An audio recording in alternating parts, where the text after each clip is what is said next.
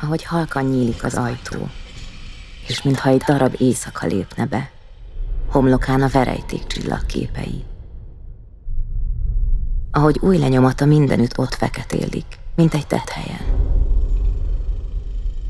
Ahogy fejem a mellére hajtom, és hallom csákányok kimért csattogását, fúrók durzsolását, és ahogy morzsolódnak a türelmes kövek. Ahogy olykor ebéd után kávéval a kézben, szigorúan tej és cukor nélkül, ülünk a nappaliban. A napfény vastag hasábokban árad be.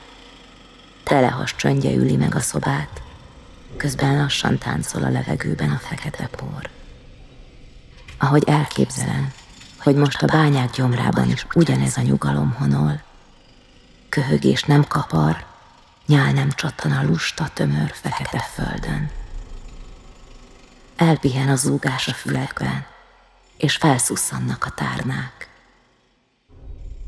Közben arról álmodnak, hogy évezredek múlva mennyire gyönyörű bányató lesz belőlük, és majd lassú délutánokon, mint szénpor, cikáznak felettük a muslicák.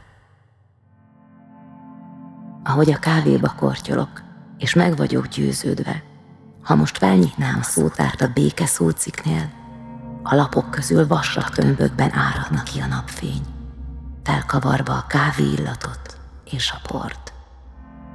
Ahogy grafitújával bőrömre rajzolja a jövő színrajzait, a jóval nagyobb házat, a jóval több szabad napot ahogy még mindig érzem a számon a csókokat, amiket húsz éve loptunk az erőmű mögött. Orromban ott dereng a füst lágy, csípős, otthonos szaga, ahogy tőzeg moha szakára vörösre dörzsöli az arcbőröm. Leheletének fűtő értékével a leghosszabb teret is könnyedén kihúznánk. Ahogy pórusaiban büszkeséggel hordja a föld alatti, kormos éjszakát ahogy ismeri a testem tektonikáját. Megérzi, hol bizonytalan a hús. Ha óvatlan, hamar beomlik, lehull a mennyezet és víz önti el. Ahogy még mindig kívánom, ahogy még mindig kíván. Ahogy még mindig úgy ölel, mintha utoljára. Ahogy fölém hajol, és pupillájából több ezer láb mélység tekint vissza rám.